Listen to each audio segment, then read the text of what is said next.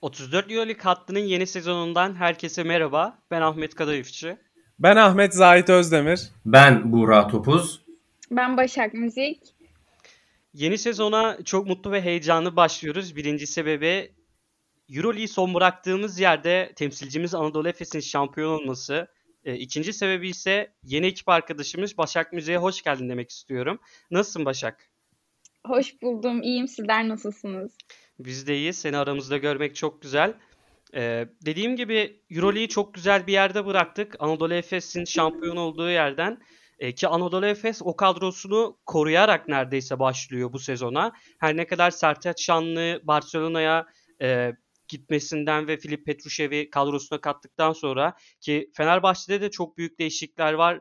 Pek çok oyuncunun ayrılıp ve yerine pek çok oyuncunun gelmesi ve Igor Kokoşkov'un ayrılıp Sasha Djordjevic'in gelmesi ki bunun üstüne de çok konuşacağız. Ama ben önce yeni sezon üzerine Buğra Topuz'un düşüncelerini almak istiyorum. Nasılsın Buğra? Neler hissediyorsun yeni sezon üzerine? Ee, öncelikle tabii ki heyecanlıyım. Ama sen geçen seneden biraz dem vurunca e, geçen sezon e, adeta film şeridi gibi gözümün önünden geçti. E, normalde ben e, duygularımı çok uçlarda yaşayan bir insanım. Yani sevincimi de üzüntümü de. Ee, Anadolu Efes Zenit deplasmanından çok kötü bir şekilde mağlup olunca menemen tarifi vermiştim. Ondan sonra şampiyonluğu kutladık. Ee, ya böyle bir sezondu. Gerçekten hem Efes'te basketbol severler adına hem de ülke basketbol adına çok gurur verici bir şeydi. Ama tabii her şey geride kaldı. 2009 yılında Jeliko Obradovic Panathinaikos'u çalıştırırken çok meşhur bir e, demeç vermişti. This is past, this is something nobody remembers demişti. Hatta çok meşhur bir ıslığı var o arada. E, Efes camiasında bence evet gül oynaya kutladı, e, gurur duydu vesaire tamam ama artık her şeyin geride kalması gerekiyor. E, yeni sezon için de aslında başarının en önemli faktörlerinden bir tanesi istikrar. E, ve kadro istikrarda korunmuş oldu Efes'te. Sadece bir değişiklik oldu ama çok majör bir değişiklik oldu. E, Sertaç Şanlı gitti ve yerine Filip Petrushev geldi ki ben Landale ya da Mike Tobin'in gelmesini umuyordum ama İkisi de gelmedi. Petrushev de çok potansiyelli bir oyuncu ama ne kadar rigid bir oyuncu soru işareti. Ee, yani benim Efes'le ilgili iki konuşmam gereken şey var. Bir tanesi doygunluk hissi, bir tanesi de bu uzun rotasyonu. Uzun rotasyonu daha demin değindim. Doygunluk hissi de her kadroda olacak bir şey. Her başarıyı e, yakalayan kadro bir sonraki sezon odaklanmakta zorluk yaşıyor. Anadolu Efes'ine ben en azından sezonun ilk başında biraz odaklanma sorunu yaşayacağını düşünüyorum. Devamında da belki Ergin Ataman o rutin tempoyu yakalayacaktır diye düşünüyorum. Ki Efes e, bu kadroyu 4-5 senedir neredeyse korumasından dolayı diğer Euroleague takımlarına nazaran ben de e, rahat bir başlangıç yapacağını düşünüyorum her ne kadar Sertaç'ı kaybetmesine rağmen. E, ama izleyeceğiz bakalım. Zahit sen neler söylemek istersin yeni sezon Senin için de yoğun bir yaz oldu. E, özellikle e, basketbol üzerine. Valla siz bahsettiniz geçen sezon Efes şampiyon oldu ama biz de ilk sezonumuzda ülkemize bir kupanın gelişini yorumladık. E, kendi çapımızda tabii. Bu sene de inşallah bir kupa gelir ülkemize yine. E, Fenerbahçe Beko olabilir, Anadolu Efes olabilir hiç önemli değil. Ama böyle başarıları yorumluyor olmak çok keyifli. Tabii ki Anadolu Efes'in kadrosunu koruması ve sezona böyle giriyor olması çok değerli. Ben de orada aslında e, Buğra'yla benzer bir yorum yapacağım Efes'le ilgili. Uzun rotasyonundaki değişimden ziyade kısa rotasyonundaki devam eden oyuncuların nasıl bir performans göstereceği, oyuna nasıl yaklaşacağı, e, yani Simon'un yaşlanması, Mitsic'in çok büyük bir kontratla takımda kalması, Larkin'in e, geçen sezon biraz böyle ikinci planda e, sahada tabii ki sahada ikinci planda oluşu ve bu seneye nasıl bir motivasyonla çıkacağı gibi faktörler bence çok daha değerli olacak Efes için. Tabii ki uzunların alan açması e, Anadolu Efes hücumunda bir numaralı etkenlerden birisi ama sonuç olarak o kısaların ortaya koyduğu performans e, ve oyuna bakış açıları çok daha önemli. Ben o açıdan biraz e, tereddütteyim. Yani Anadolu Efes'in sezona girişi bence biraz engebeli süreçler yaşayabilir orada Efes. E, ama bunlar pek önemli olmayacaktır. Sezon sonunda biz yine Efes'i e, Final Four yolunda ilerlerken göreceğiz diye düşünüyorum. şampiyonluk konusunda da tahmin yapar mıyız bilmiyorum ama bölüm sonunda bence yapalım. Ee, Efes'le ilgili o konuda da değişik görüşler çıkacaktır. Evet Efes demişken o zaman direkt Efes'le başlayalım. Kadronun koruması. Ben de kısa rotasyonu üzerine düşüncelerimi belirteyim. Ee, şimdi Shane Larkin geçen sezona yazın dizinden ameliyat olarak başlamıştı ama şu an e, böyle bir sağlık problemi söz konusu değil. Ve seyircinin de tekrar dönmesiyle Shane Larkin gibi sosyal bir oyuncunun sahalara e, daha iyi dönmesini e, en azından bekleyebilirim. E, Vasilya Mičić e, ligin MVP'si. E, yönetim tarafından devam ettirilen e, başarılı görüşmelerle Vasilya Mičić e, takımda kaldı. E, her ne kadar NBA'ye gitmesi beklense de. Kronos'la Simon'a gelince ise e, Simon'un ben e, çok zeki bir oyuncu olduğunu düşünüyorum ve e, nasıl playoff'larda Real Madrid maçın son Real Madrid maçında e, son sözü söyleyen bir oyuncu olduysa yine o anlar için kendisini e, muhafaza edeceğini düşünüyorum. E, Rodrik Baba ise e, yani Anadolu Efes'in kısa rotasyonu aslında birbirini çok iyi tamamlayan ve yerini dolduran bir kısa rotasyonu. Belki de Ergin Ataman'ın kalmasını en çok istediği oyunculardan Boba. E, onun da yaşına rağmen sezon içinde verimli olarak kullanacaktır. Yani kısa rotasyona dair görüşlerim bu şekilde. E, Sertaç Petrushev değişikliği üzerine acaba neler düşünüyorsunuz? Bu konuda e, öncelikle şunu söyleyebilirim. Barcelona adına şampiyon olan bir takımdan ve Larkin'in için kaldığı bir senaryoda Sertaç'ı transfer etmek gerçekten büyük bir iş ve Sertaç e, geçen sene çok önemli bir gelişim gösterdi ve bence bu sene gelişim göstermeye de devam edecek. Önceki yıllarda e, Anadolu Efes'in Petrushev gibi e, bir genç oyuncuyu Musa'yı alıp yetiştirip ve daha sonra iyi bir şekilde kullanma gibi, gibi hedefleri vardı. Fakat bu hedeflerini gerçekleştiremedi. Yolları ayırdı Musa'yla. İlk geldiğinde Petrushev aynı şeyi düşündüm. Çünkü Ergin Ataman'ın yapısı gereği pek genç oyunculara e, zaman vermeye e, ver, veren bir koç olduğunu düşünmüyorum. Ve e, Petrushev'in de zaman alamayacağını, nasıl kullanacağını bilmediğini, yani nasıl kullanacağını e, konusunda şüphelerim vardı. Ama e, Glory Cup'ta gerçekten iyi bir performans sergiledi. Orada takip etme şansı buldum Petrushev'i. Yine de hala şüphelerim var çünkü Ergin Ataman normal kendi konfor alanındaki oyuncuların dışına çıkmayı pek seven bir koç değil. Petrushev'den tabii beklenen performans e, önemli olacak çünkü hani Sertaç adına her ne kadar e, rakamlarına baktığınız zaman yeri doldurulabilecek bir oyuncu gibi gözükse de e, Petrushev e, tam olarak onun ikamesi değil e, ki e, başta savunma olmak üzere Sertaç'ın yapabildiği şeyleri %100 verimle ne kadar verecek e, bence şüpheli. Ama şöyle de bir problem var. Brian Dunstan ve Tibor Plyce e, gerçekten e, yaşlarından dolayı geçtiğimiz sezon zaten sıkıntı çektiler. Bu sezonda e, bu sıkıntılar devam edecek gibi duruyor. Dunstan ve Tibor Plyce'ın e, sürükleyici 5 numara olamayacağı senaryoda acaba e, Petrusev nasıl bir devamlılık gösterebilir? Buğra. Ben aslında bu konuyla alakalı daha farklı bir şey söylemek istiyorum. Ee, aslında Petrushev gibi oyuncuların kıymeti Avrupa basketbolunda yavaş yavaş artmaya başladı. Normalde Avrupa basketbolunda önceden Miro Bilan gibi ya da ne bileyim e, Bryant Dunstan gibi çok uzağa gitmeyelim. Efes'ten örnek verelim. Böyle adeta Kırkpınar pehlivanı gibi kuvvetli, böyle içeri bam dalan e, pivot oyuncuları çok kıymetliydi. Özellikle pick and roll oyunlarında. Çok iyi devrilen oyuncular çünkü bunlar. Ama artık Avrupa basketbolda biraz NBA'in muadili olmaya başladı bazı konularda. Özellikle uzun konusunda.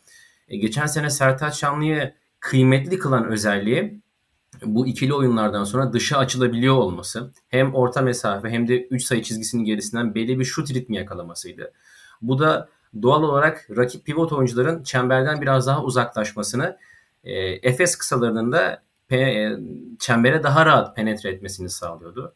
Ama Bryant Dunstan'ın oyunda olduğu e, senaryolarda rakip uzunlar biraz daha boyalı alanla bekliyordu. NBA'deki gibi savunma 3 saniyesi kuralı olmadığı için de adeta kamp kuruyordu rakip pivot oyuncular pota altında. Sertaç Şanlı işte bu durumu biraz daha Anadolu Efes lehine çeviriyordu. İbre'yi daha doğrusu. E, Petrushev'in böyle bir özelliği var. Hem e, Gonzaga Üniversitesi'nde hem Sırbistan milli takımında hem de e, Megalex'te yani highlight videolarına baktığımız zaman hem orta mesafesi hem de şutu olan bir oyuncu. Ama Avrupa basketboluna buna bir de rigidlik de eklemeniz gerekiyor. Yani biraz daha sert olmanız gerekiyor.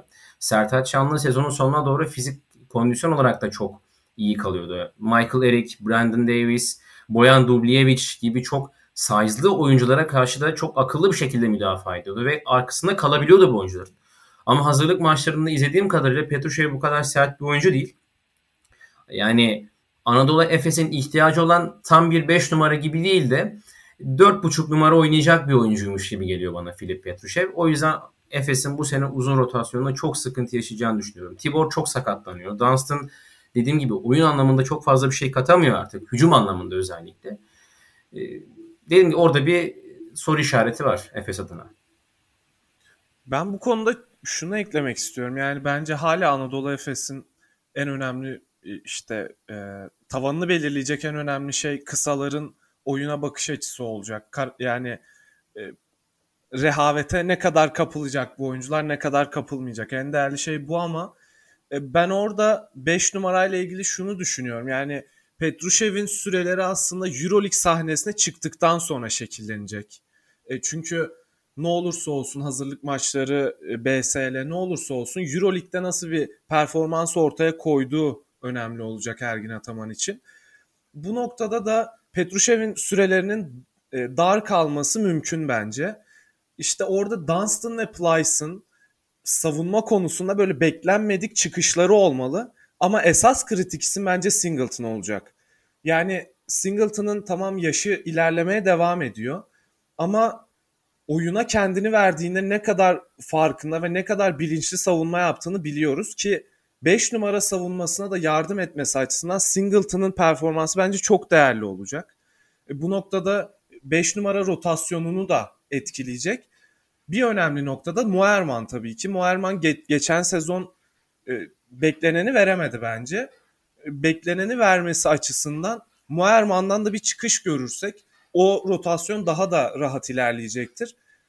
O açıdan yani benim düşüncem genel anlamda bu. Yani 4-5'i birlikte değerlendirip o oyuncuların birbirlerinin hem açıklarını kapatması hem de beklenmedik çıkışlar yakalaması lazım. Çünkü gerçekten hepsi yaşlı isimler.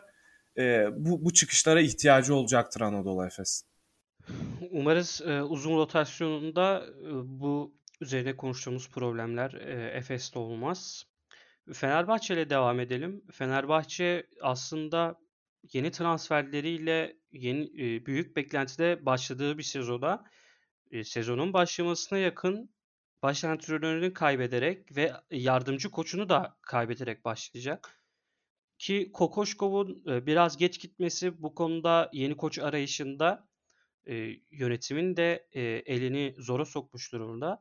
Ama yönetim e, Şaşa Djordjevic'i e, getirmeyi tercih etti. Şaşa Djordjevic e, her ne kadar belki de e, Euroleague tarihine baktığınız zaman en önemli 10-15 oyuncu arasında e, sayabileceğimiz bir kariyere sahip ama e, koçlukta e, tam olarak öyle olmuyor ki NBA'den e, Jason Kidd örneğini de verebiliriz. Her ne kadar iyi bir kariyeri olsa da oyunculuk anlamında e, head coach olarak e, hiçbir e, önemli başarısı yok. Şaşo Djordjevic ise e, bir takımda istikrar sağlama konusunda hiç başarılı değil. Ki Fenerbahçe gibi e, ne yapılanan e, yapılanma diyemeyeceğim ama bu kadar çok geri transferin olduğu bir e, takımda acaba nasıl varlık gösterebilecek? E, Başak sen neler düşünüyorsun Şaşa Djordjevic üzerine?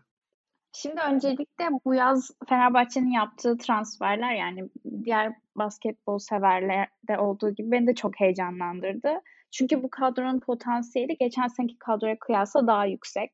E, yapabilecekleri daha fazla ama e, bu kadronun koç etkisine, birleştirici bir güce ihtiyacı var.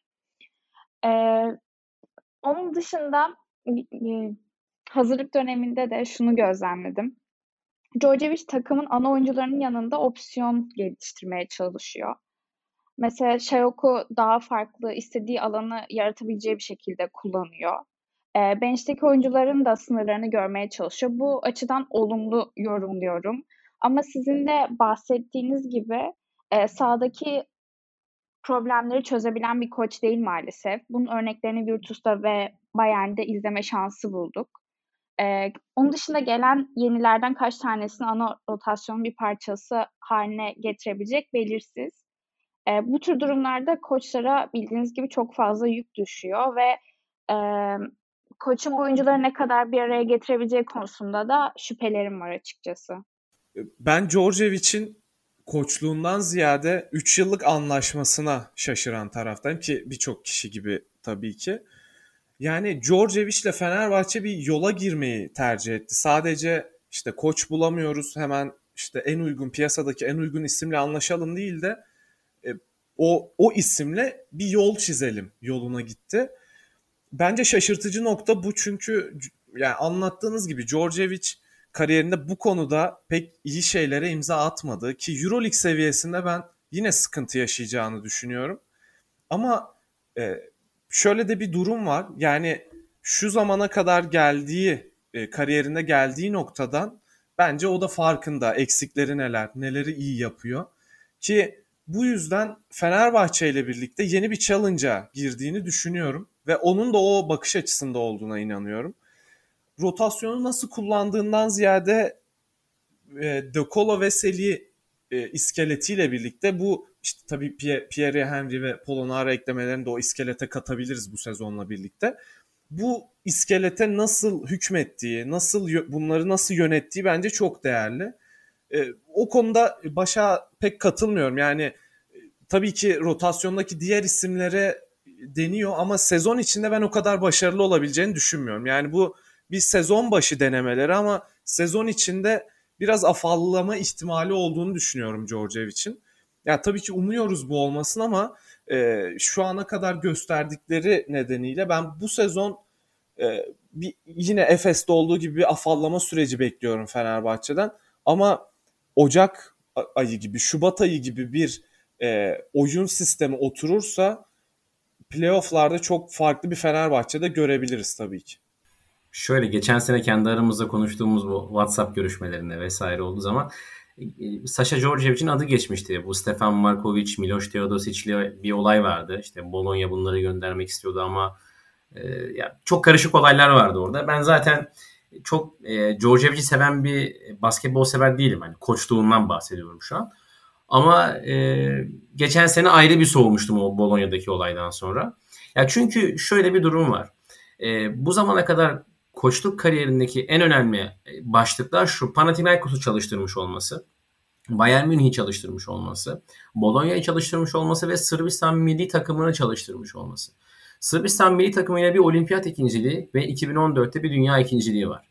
E, 2014'teki dünya ikinciliğinden sonra Panathinaikos'ta kendi e, Sırp oyuncularını kadroya aldı ve çok başarısız oldu. 2018'de Bayern Münih'in head coach'uydu. O zaman Darüşşafaka Euro şampiyonu olmuştu ve yarı finalde daha takım şampiyonluğa giderken Bayern Münih yönetimi Djordjevic'i göndermek istedi.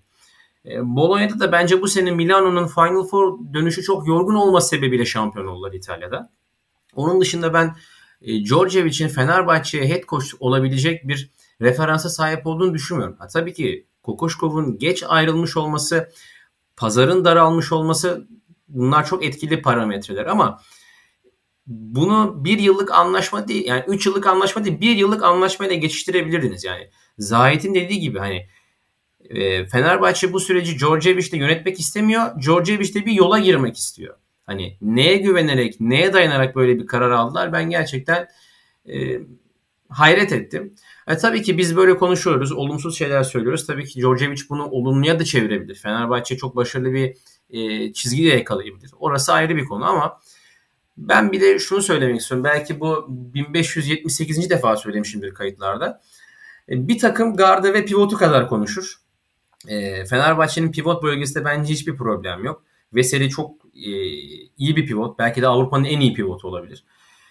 Ahmet Düveroğlu da bence iyi bir backup pivot olabilir ama guard rotasyonunda bence Fenerbahçe'nin büyük eksiği var. Hani Pierre Henry tek başına guard şu an. Hani İsmet Akpınar İstanbul Cup'ta iyi bir performans gösterdi ama yani e, Monaco e, yok pardon Unix Kazan ve Partizan karşısında oynaması çok doğal e, İsmet'in. E, orada Şemus Hazer olayı var ama yani Şeymus Hazer'i guard yapmak istiyormuş Djordjevic. Nasıl yapacak ben çok merak ediyorum. Buradan başa sözü vermek istiyorum ben. Yani şöyle söyleyeyim Fenerbahçe taraftarının en çok dillendirdiği şey şu an guard rotasyonundaki eksik ama benim şahsi fikrim şu an guard rotasyonunda bir eksik bulunmuyor. Çünkü Henry ile bu kapatılmaya çalışıldı ve ligde de e, Basketbol Süper Ligi'nde de e, Türk rotasyonunda İsmet Akpınar'ın kullanacağını düşünüyorum. Tabii dediğiniz gibi İstanbul Cup'ta ne kadar e, hani yorum yapmak mümkün. İsmet Akpınar'ın yanlış hatırlamıyorsam 16 sayılık ya da 18 sayılık bir performansı vardı. Ona dayanarak 16 sayılık, ona dayanarak nasıl bir e, yorum yapabiliriz çok net değil sezonu kapsayacak bir şekilde ama e, belki çok iyimser olacak. E, Djordjevic oyuncu kariyerinde de çok iyi bir oyun kurucuydu ve e, kendisi geldiğinde basın toplantısında şey bu sorulduğunda direkt olarak e, oyun kurucu olarak kullanacağını söyledi. Onu oyun kurucu olarak yetiştireceğini söyledi. E, kendisinde iyi bir oyuncu olmasından pay biçerek ben bu konuda biraz ona güveniyorum. Bir eksik olmayacağını düşünüyorum. Yalnız e, Dekolo ile Henry'nin top paylaşımı konusunda sıkıntı yaşayacağını düşünüyorum. Çünkü her ikisi de top elinde olduğu zaman etkili olan oyuncular. Dekolo CSK döneminde Teodosic'de top elinde değilken de etkili olabiliyordu. Fakat Fenerbahçe e, dönemini baz alırsak hep top elinde tutmayı seven, kontrol onda olan bir oyuncu ve öyle parlayan bir oyuncu. Bu konuda Henry ile problem yaşayacağını düşünüyorum. Tabii bunun çözümü yine Djordjevic'e kalıyor. Yine bir koç faktörüyle çözülebilecek bir şey. Elinde gerçekten iyi oyuncular var ve hani kişisel olarak da Şemuz ne kadar kullanabilir onu da bilemiyorum. E, bu potansiyeli kullanıp kullanamayacağı konusunda şüphe yaratıyor gerçekten. Paşak bence çok önemli bir noktaya değindi. Yani Djordjevic e, konusunda her ne kadar e, ortak olumsuz görüşlerimiz olsa da e, yani Djordjevic'in de e, halletmesi ve halledebileceğini um, um, umacağımız konular var. Başta Şehmus Hazer olmak üzere. E, Henry ile Dekolo'ya gelince e, şimdi geçen sezon yani Fenerbahçe'nin top yönlendirici eksiği olduğunu e, hep söyledik ki sahada da öyle gözüküyordu. Şimdi iki topu seven e, oyuncuyla e, Fenerbahçe oynayacak. Şimdi Pierre Henry'yi e, off ball oynatamazsınız. Yani e, direkt şutundan veya e, backdoor katlarından e, faydalı yani direkt oradan fayda alabileceğiniz bir oyuncu değil. Ki e, Henry'nin Baskonya'da topu iyi kullanamadığı, topu iyi yerlerde alamadığı noktada e, maça giremediğini de gördük. Yani maçı ısına ısına girdiğini de gördük. Orada Djordjevic'e gerçekten çok önemli bir iş düşüyor. E, kısalardan birazdan biraz da uzunlara geçmek gerekirse e, uzun uzun rotasyonu konusunda aslında ben tam olarak yeterli bulmuyorum Fenerbahçe'yi. Çünkü e, geçtiğimiz sezon e, Veseli boyalı alan savunmasında ve e, pik çıkışı kısayı karşılama konusunda e, çok önemli bir role sahipti. Şimdi e, Bukur geldi. E, Bukur'un e, ikamesi Veseli'nin savunmada yapabildikleri mi? E, bence kesinlikle değil. Ki Veseli de e, yaşlanan bir oyuncu. Geçen sezon e, önemli sakat önemli bir sakatlık geçirdi bileğinden. Yani geçtiğimiz sezon e, çok kullandı. Yani nasıl desem Veseli'yi aynı verimde kullanabilmek ne kadar mümkün olacak bilmiyorum. Polonara da e, boyalı alanda bence ince bir oyuncu. O nasıl bir savunma performansı gösterecek savunmada bilmiyorum ama kesinlikle şöyle bir şey var ki Fenerbahçe çok daha iyi şut atan forvetlere sahip. Meryl Şayak ve Polonara olmak üzere. E, bu da e, Fenerbahçe'nin hücumdaki tehditlerini artırarak kısaları rahatlatabileceğini düşünüyorum. Abi Polonara'nın savunması süper ee, ama şut konusunda o kadar iyi değil. Ya size olarak Polonara özelinde bir e, Veseli'nin yanına direkt acaba nasıl olur diye şüphelerim var. Bence Veseli'nin e, performansının iyi olduğu dönemlerde Polonara Veseli ikilisi rakiplerin canını okuyacaktır.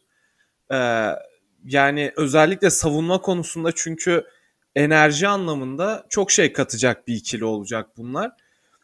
Tabii ki orada aslında ben biraz guard rotasyonuyla ilişkili de bir, bir şey söylemek istiyorum. Yani Djordjevic'in vereceği en büyük sınavlardan biri bence en büyüğü hatta söylediğiniz gibi e, şey e, Henry ve De Colo'nun top paylaşımı olacak.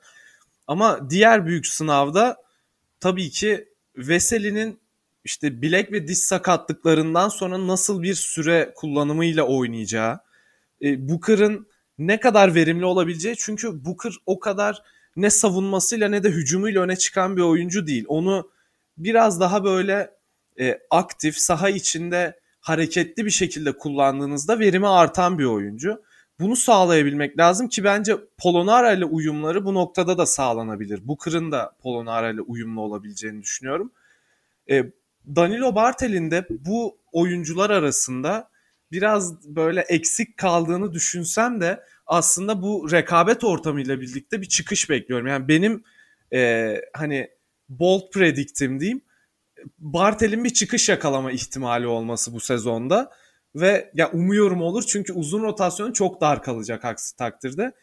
E, Bartel'i yeri geldiğinde 5 numarada, yeri geldiğinde 4 numarada kullanabiliyorsunuz çünkü. E, hatta Polonara'nın da 5'e çekileceği anları görebiliriz. Eğer çok mobil, çok e, hareketli geçiş oyunlarının olduğu sekanslarda e, Polonara Bartel ikilisini görebileceğimiz zamanlar da olabilir diye düşünüyorum. Ve bence uzun rotasyonu konusunda o e, durum tespitini iyi yapmak lazım. Bir yandan da Veseli'ye çok yüklenmeden sezona başlamak lazım bence. Yani sezon başında maç kazanalım diye Veseli'yi çok oynatmak yerine e, diğer oyuncuları oyunun içine daha da böyle dahil etmek lazım diye düşünüyorum. Bu noktada tabii ki yine Djordjevic'e çok iş düşüyor. Sizce bu mümkün mü? Yani Veseli'nin çok fazla oynamadığı veya rahat bir şekilde dinlendirilebildiği bir senaryo mümkün mü? Hani diğer oyuncuları düşünelim mesela pota altında. Ahmet Düverioğlu, A- Devin Booker. 5 numaraya Polonara'yı çektik. Pota, e, pota altı caydırıcılığı yani neredeyse %70 %80 azalıyor Veseli sahanın dışındayken. Şöyle yani bir çok mümkün abi. değil bu.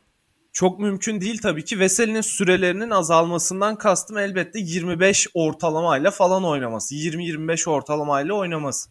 Yani Polonara'nın 5'e çekildiği süre maç içinde çok çok 5-6 dakika olur. E, veya Booker'ın çok çok verimli oynadığı süre ancak 10 dakika olur. Tabii ki farkındayım ama Veseli 35 dakika oynamasın diyorum. Yani bakış açım biraz bu. Bunu yakalamak için biraz zorlaması gerekiyor koçun.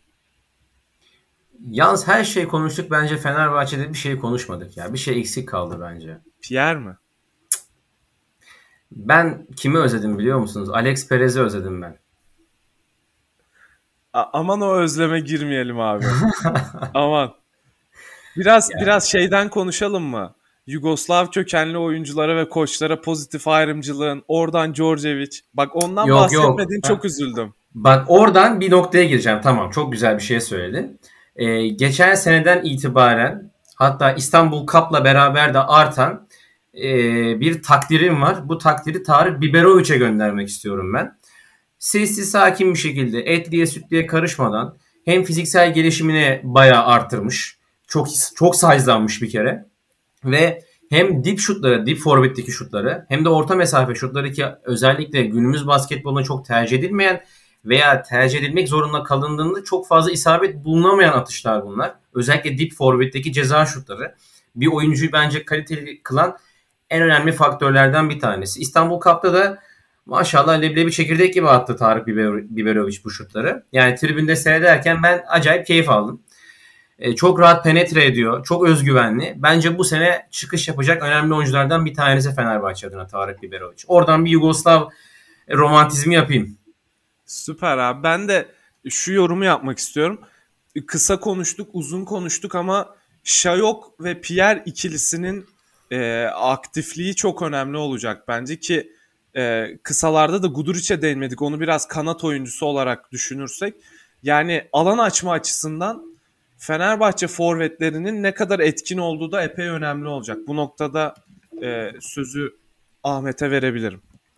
Ki geçen sezon bu konuda yani neredeyse hiç verim olamadığını gördük. Yani sadece e, Gerald Eder'in gününde olduğu o da bir elin parmağını geçmez. E, bu konuda yani dediğim gibi Fenerbahçe e, hem içeride Veseli'yi hem dışarıda hücumda kısaları çok rahatlatacak o konuda. Yani Şayon'un işte Polonara'nın e, şut performansı artar yani şut performansını kullanabilirse ki burada e, Bartel'i de sayabilirim. Yani Fenerbahçe'yi toparlamak gerekirse e, o kadar kaliteli bir kadrosu var ki bu sene bence Fenerbahçe'nin. Djordjevic hani şu an konuşuyoruz ama sezon için hiç konuşacağımızı ben düşünmüyorum. Djordjevic konuşacağımız yer bence playoff'ta olası bir dördüncü maç, beşinci maç. Ee, buradan Barcelona Real'e geçelim. Özellikle Barcelona ve Real'in ben kısa rotasyonunu e, çok konuşmak istiyorum. Ee, Başak neler söylemek istersin? Öncelikle Barcelona ile Real Madrid gayri resmi bir takas işine girdi. Katalan ekibi de kendiyle e, kendi yapısına uymayan oyuncularla yollarını ayırdığını gözlemleyebiliyoruz. Adam Hanga gibi. Guard konusunda bence geçen sene şampiyon olamamaların en büyük sebebi guard eksikliğiydi. Bir türlü o kısmı oturtamadılar. Bu sene o eksiklerini kapattıklarını düşünüyorum. Jokubaitis gerçekten Barcelona adına anlamlı bir transfer. Çünkü Katalan ekibinin kısaları genellikle yaratıcılık konusunda sıkıntı çekebiliyor. Kalates'in şutunun sıkıntılı olduğu gün genellikle çok yaşanan bir şey ve o zamanlar e, Yokuba Ites'in yaratıcılığından faydalana, faydalanabileceklerini, destek alabileceklerini düşünüyorum. Onun dışında La Provitola, telaffuzum çok zor oluyor ama e, aynı şekilde potansiyeli yüksek bir oyuncu ve e, çok farklı şeyleri aynı anda yapabilen bir oyuncu olduğunu düşünüyorum. Real Madrid'in yapılanmasına uymuyordu ama Yasikevicius'un onu adapte edebileceğini, takımda kullanabileceğini düşünüyorum. Geçen sene oranla daha fazla, daha farklı e, hücumda çeşitlilik yakalayabildiğini görüyorum. Ve e, Yasikevicius belirli sistemi olan, onun üzerine aşama aşama ilerleyen, eklemeler yapan bir koç. İkinci sezonda da daha iyi oyuncularla daha başarılı olacağını düşünüyorum. Ee, ben e, keşke aynı fikirde olsam seninle Başak ama ben aynı fikirde değilim seninle. Daha hani derler ya dakika bir gol bir diye e, İspanya Süper Kupası'nda 19 sayıdan maç veren bir Barcelona var Real Madrid'e karşı. E, ve Adam Hanga'nın bir e, demeci var Basket News'a. Evet hani biz Yasikevicius'un takımında herkesin rolü belli ama Pablo Lasso daha fazla özgürlük e, tanıyor oyuncularına dedi. Ki Ergin Ataman da bu yönüyle çok ün salmış bir head coach. E, günümüz basketbolunu artık sen şurada dur, sen şu oyunu oyna, işte sen şu ikili oyunu oyna, sen burada pota altına şöyle bir kat yap demek artık e, çok banel geliyor bana. Tabii ki bir head coach değilim. Yas Yasikevicius sonuçta basketbolu benden daha iyi bilen birisi ama hem seyir zevki açısından hem de günümüz basketbolunun evrildiği nokta açısından bence oyunculara belli oranı tabii ki tamamen değil belli oranda bir özgürlük verilmesi lazım. Ee, geçen sene şöyle bir sıkıntı yaşamıştı Barcelona. Nikola Mirotic, Brandon Davis gibi oyuncular bu takımın en önemli oyuncuları ama Yasikevicius'un sistemine uymadığı zaman bu iki oyuncu bir anda kendini bench'te bulabiliyordu. Yani o istediği özgürlük alanına bir türlü kavuşamıyordu bu oyuncular.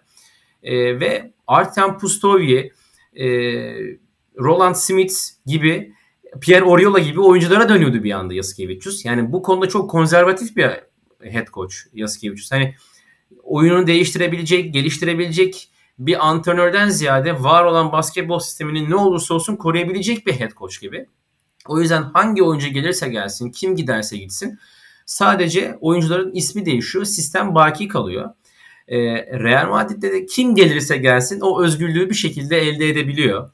Normalde biz e, özellikle arkadaş ortamında şunu konuşuyorduk Euroleague basketbol. Hani bir savunma oyuncusu kadrona katacaksan, yani savunma yönüyle ön plana çıkan bir oyuncu kadroya katacaksan Jeff Taylor'ı mı tercih edersin yoksa Adam Hanga'yı mı tercih edersin diye soruyorduk kendi aramızda. Ama şimdi ikisi de aynı takımda. Bu rakip kısa rotasyonu için gerçekten çok büyük dezavantaj.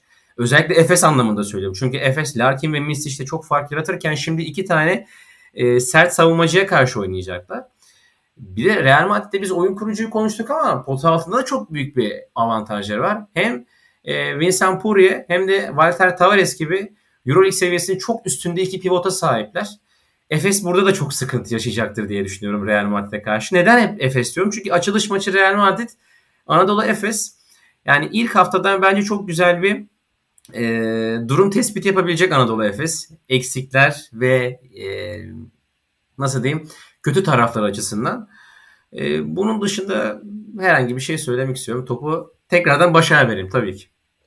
Ee, ben şunu söylemek istiyorum. Geçen sene yaşadıkları Real Madrid'in bir problem vardı ve bu sezonda buna çözüm bulabildiklerini düşünmüyorum. Çünkü birazcık daha keskin bir geçiş yapmaları gerekiyormuş gibi bir izlenim verdiler bana ve bu sene yine yaşlanan çekirdek yine önemli, önemli bir ölçüde devam ediyor. Yeni oyunculara baktığımızda tamam Lason sistemine uygun olduğunu gözlemleyebiliyoruz. Ee, ama mesela şöyle önemli bir oyunculardan e, Garuba'yı kaybettiler ve genç bir oyuncu olduğu için farklı dinamiği, farklı bir enerji taşıyordu sahaya. Yaz döneminde ama şöyle bir önemli transferleri oldu. Ondan bahsetmedik. Fenerbahçe Beko dair birçok Euroleague ekibinin listesinde bulunan Gos'u kadrolarına kattılar. Ve e, Gos Lasso birlikteliği oyuncuyu farklı bir seviyeye çıkarabilir. Yani ben birazcık da Real Madrid'in geleceği noktanın Gos'un performansına bağlıyorum. Eğer e, Lasso onu çok iyi bir seviyeye çıkarabilirse playoff'un ötesinde görebileceklerini düşünüyorum. Yani şu anki kadroyla Final Four yapabilmeleri biraz zor gibi geliyor. Çünkü geçen senenin e, sorunlarını çözdüklerini düşünmüyorum açıkçası. Ben tekrardan araya girebilir miyim? İki Ahmet'ten de özür diliyorum ama hani e, çok şaşırdım şu an. Çünkü ben de Real Madrid'i tam tersine bu sene çok favori ekiplerden birisi olarak görüyorum. Hani sadece Nigel Williams Ghost değil yani Adamanga'dan da bahsettim. Bir de Gershon Yabusele diye bir oyuncu da aldılar. Hani rotasyona baktığımız zaman şimdi Trey Tompkins var, Anthony Randolph var, Tavares var, Puriye var. Yani e, Semih Allah'ıyla ben Hamide yani bayağı oyuncu var uzun rotasyonda. Hepsi çok fark yaratan oyuncular. Kısa rotasyona bakıyoruz evet yaşlılar ama Sergio Yul. Geçen sene çok gelişim kaydeden bir Abalde. Yine çok büyük bir potansiyel olan Alosen var. Yani Real Madrid bence e, çok tehlikeli bir takım. Her türlü bence playoff yaparlar ve Final Four'unda gediklisi bir takım.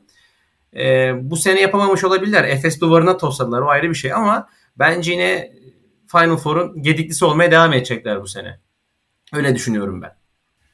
Ben burada şöyle bir soru sorabilir miyim? Şu anda Barcelona oldukça iddialı bir kadro kurdu. Real Madrid konusunda Buğra'ya katılıyorum. Ki bence Ceska Moskova da çok iyi. Onların da e, Grigonis eklemeleri olsun, e, Clyburn'u tutmaları, e, yani e, Şved'in gelişi. Bence o sıkıntı yani, da neyse ya. Ama her şeye rağmen ben bu üç takımı çok favori görüyorum. Efes bu gedikli takımlar arasında nasıl konumlanır? Yani biraz performans olarak aşağıda mı kalır? Yoksa bıraktığı yerden devam mı eder? Ne düşünüyorsunuz bu konuda? Ahmet sen buradan alır mısın sözü?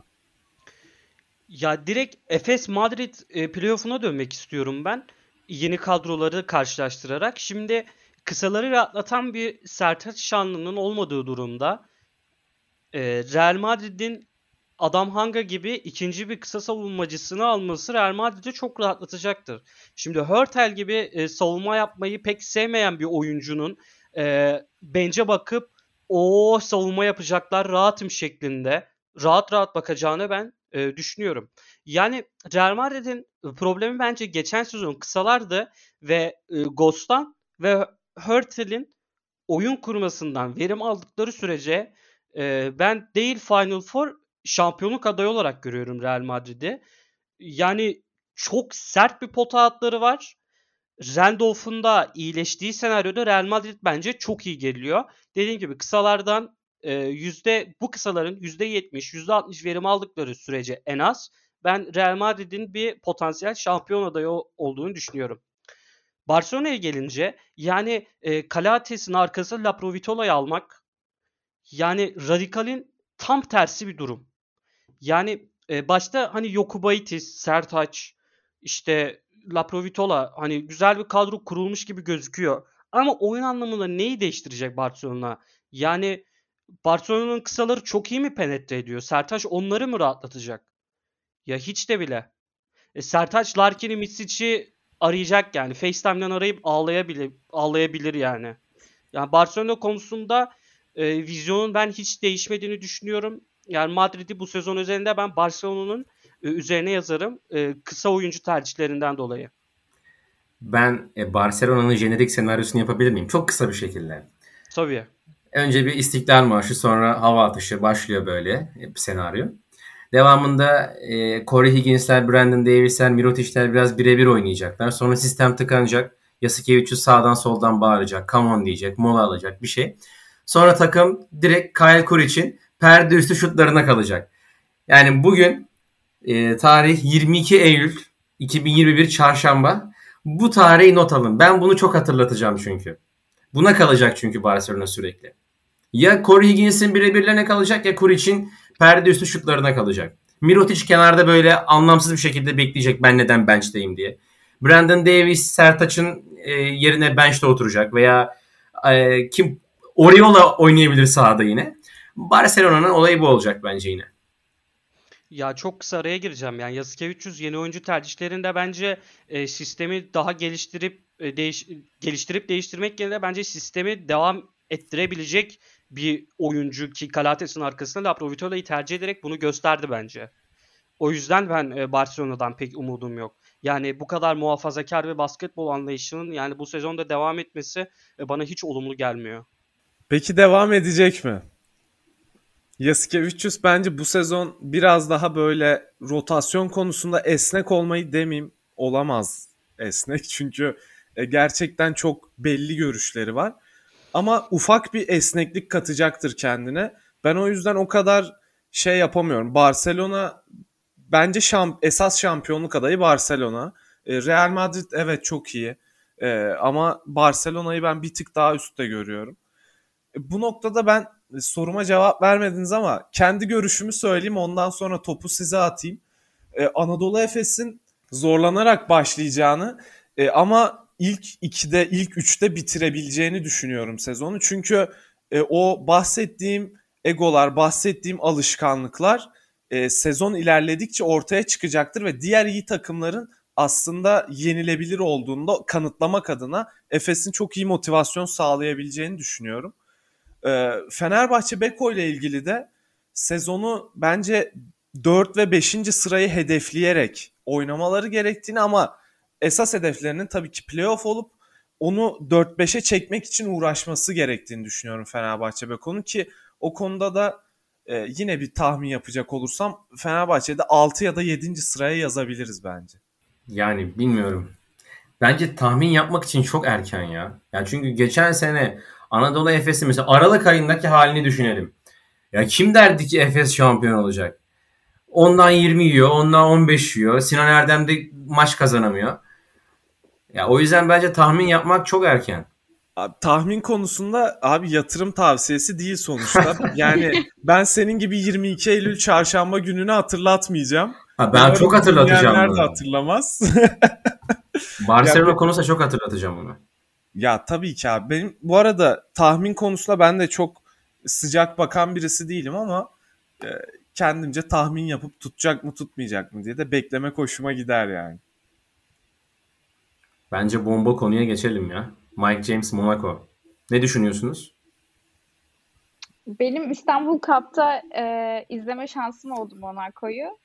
Ve zaten Rob Gray ile Paris'i arasında bir top paylaşımı konusunda sıkıntı varken takıma bir de bomba bir isim Mike James geldi. Öncelikle Monte Carlo zaten e, Moskova'ya kıyasla daha çok Mike James'in yaşayabileceği, yaşayabileceği bir şehir. Kendi şovunu yapabileceği bir şehir. E, bireysel olarak daha bağımsız olabileceği bir takım. E, beklentilerin olmadığı bir takıma gelmesi e, onun için daha rahat olacaktır bence. Kendi bireysel performansını sergilemek için. Yani bir çıkıp bir maçta 40 sayı da atsa kimse şaşırmaz bence.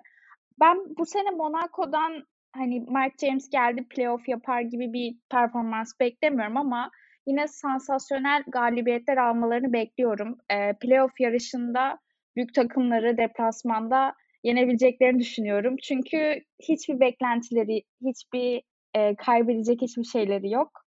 Ve Mike James'in de bu tür anların adamı olduğunu düşünüyorum açıkçası. Ya Mike James boşu boşuna Monaco'yu izlemek için bize sebep verdi. Ben ona biraz üzüldüm açıkçası. Ama izleyeceğiz. izleyeceğiz.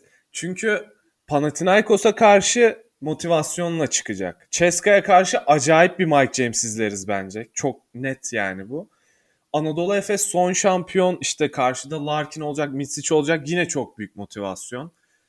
Milano'ya gidecek benzer şekilde. Yani Mike James'in e, tırnak içinde böyle öfke besleyeceği çok fazla takım var ve hiçbir maçı es geçmeyecektir bence. Ki takımda da yani bench'te oturacağı sürenin uzun olması pek mümkün değil. Hem egosundan kaynaklı hem de takımın en büyük yeteneği şu anda. O açıdan çok keyifli Monaco maçları izleriz bence. Yani sıralamadaki yerlerinin ne olduğundan bağımsız yani aylarca göze hitap eden bir oyun ortaya koyacaklarını düşünüyorum ben Monaco'nun. Mike James'ten dolayı tabii ki. E, ben de İstanbul Cup'ta Monaco'yu seyretme şansım, yani şansı elde ettim ama hiçbir şey anlamadım Monaco'nun oynadığı basketboldan. Adeta böyle karışık kuru yemiş tabağını andıran bir takım gibiydi. Hani kimin ne yaptığı belli değil, kim top getiriyor, kim ikili oyun oynuyor. E, bir Parisli Rob Gray, Danilo Anđušić yani gerçekten çok keskin bir şutör. Hani bir milimetrelik bile boşluk bırakmamanız gerekiyor adama. Bulduğunu atıyor.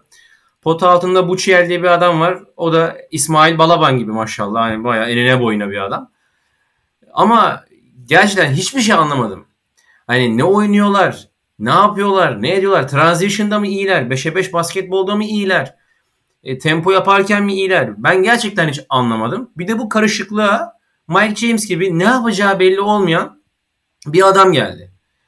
Hani bazen gerçekten takımın seviyesini çok yukarı çıkarabilecek bir oyuncu ama bazen e, ondan büyük el freni olamaz takımda. Hem psikolojik anlamda hem de sportif anlamda. Ben Mike James'i çok fazla seven bir basketbol sever değilim. Çünkü e, pek ısınamadım ne Baskonya döneminde ne Milano döneminde ne CSK Moskova döneminde. Çok da sevdiğim bir basketbolcu değildir. E, yani öyle Allah'a emanet takılacak orada. Çünkü Çin'den kontrat bulamadı. NBA'den kontrat bulamadı. E, Monaco ile sözleşme imzaladığı süreçte zaten bütün e, contender takımlar guard rotasyonu tamamlamış oldu. Yani boşta kalmamak adına Monaco'ya gitmiş oldu. Ya Zahid diyor yani ben Monaco'yu seyredeceğim bir bahane oldu. Ya ben hiç ya zaman israfı yapmam. Seyretmem Monaco'yu yani. Abi magazinsel sebepler seni oraya çekecektir yani. O konuda bence ön yargılı konuşma. Ha, bir hayal kırıklığım var. Şöyle Zvezdan Mitrovic benim çok beğendiğim Yugo koçlardan bir tanesi. Niye böyle bir e, topun niye böyle bir topa girdi ben anlamadım. Belki de yokluktan girdi veya biraz popüler olmaya çalıştı. Ama dediğim gibi çok da ümitli değilim ben Monaco'dan. Peki Buğra diğer takımlara geçmişken e, kaydı da kapatmadan önce acaba bir sürpriz takım adayın var mı? Var. E, Baskonya. E, Duško Ivanovic yine benim çok sevdiğim Yugo koçlardan bir tanesi. O da e, Yasikevicius kadar olmasa da e, yine onun kadar e, konservatif bir koç. Ama e, transferlere bakacak olursak geçen sene e, Alba Berlin'de çok önemli bir çıkış yaşayan e, Simone Fontecchio var. Yine Partizan kökenli, Partizan patentli, geçen sene Valencia'da da fena işler yapmayan Vanya Marinkovic var. E, Jason Granger tekrar yuvaya döndü gibi bir şey oldu. Baskonya'ya gidip geliyor sürekli. E, ama bence en önemli transfer Wade Baldwin. Ben geçen sene Larkin ve Miss için ayrılığına epey hazırlamıştım kendimi ve Wade Baldwin, Thomas Volkap gibi iki tane oyuncuyu Efes'e istiyordum. Ama tabii Larkin ve Misic kalınca e, bu oyuncular başka takımlara transfer oldu. Wade Baldwin bence çok iyi yaptı. Çok üst düzey contender bir takıma gitmeyerek. Baskonya bence onun gelişimi için çok önemli bir e, eşik olacak aşama aşama kaydediyor bence gelişimini Wade Baldwin. Baskonya'da onun için çok doğru bir adres. Geçen sene Pierre Henry nasıl Baskonya'da çok önemli bir çıkış yakaladıysa bence Wade Baldwin de bu özgürlük alanında ve e, Ivanovic gibi çok tecrübeli bir koçun e, gölgesi altında diyeyim çıkışını sürdürecektir ve daha da gelişecektir. Ben Baskonya'nın daha organize bir basketbol oynayacağını ve takımlara biraz çelme takan e, statüde olacağını düşünüyorum. Yani yazın şut idmanı yaptığını varsayarak ben de Wade Baldwin üzerine e, sana katılıyorum. E, benim sürpriz takım adayım ise e, Maccabi. Hem e, İsrail Ligi'ndeki Euroleague'de iyi şeyler vaat eden oyuncuları aldılar hem de e, bir diğer Bayern Münihli Jalen Reynolds'ı kadrolarına kattılar. Orada Ante Zizic'i e, savunmada çok rahatlatacağını düşünüyorum. Oradaki atletizm konusunda yine Derek Williams'ı e, kattılar. Kısa rotasyonda yine Scottie Wilbeck, e, kısa rotasyonda Scottie Wilbeck'ine yardımcı olabilecek özellikle şut konusunda James Nunnally'i kadrolarına kattılar. E, Maccabi'den de bir e, playoff beklentim yok değil açıkçası. Benim sürpriz takımım yani Baskonya, Buğra'yla aynı. Çok da yorum yapmak istemiyorum çünkü aynılarını söyleyeceğim Buğra'yla. Benzer nedenlerden Baskonya'nın e, izlemeye değer bir takım olacağını ve keyifli bir oyunda oynayacaklarını düşünüyorum. E, peki sezona e, iyi bir başlangıç yapmışızdır diye umuyorum. E, ilk maçların ardından tekrar e, siz dinleyicilerimizle olacağız. E, haftaya görüşmek üzere. Hoşçakalın.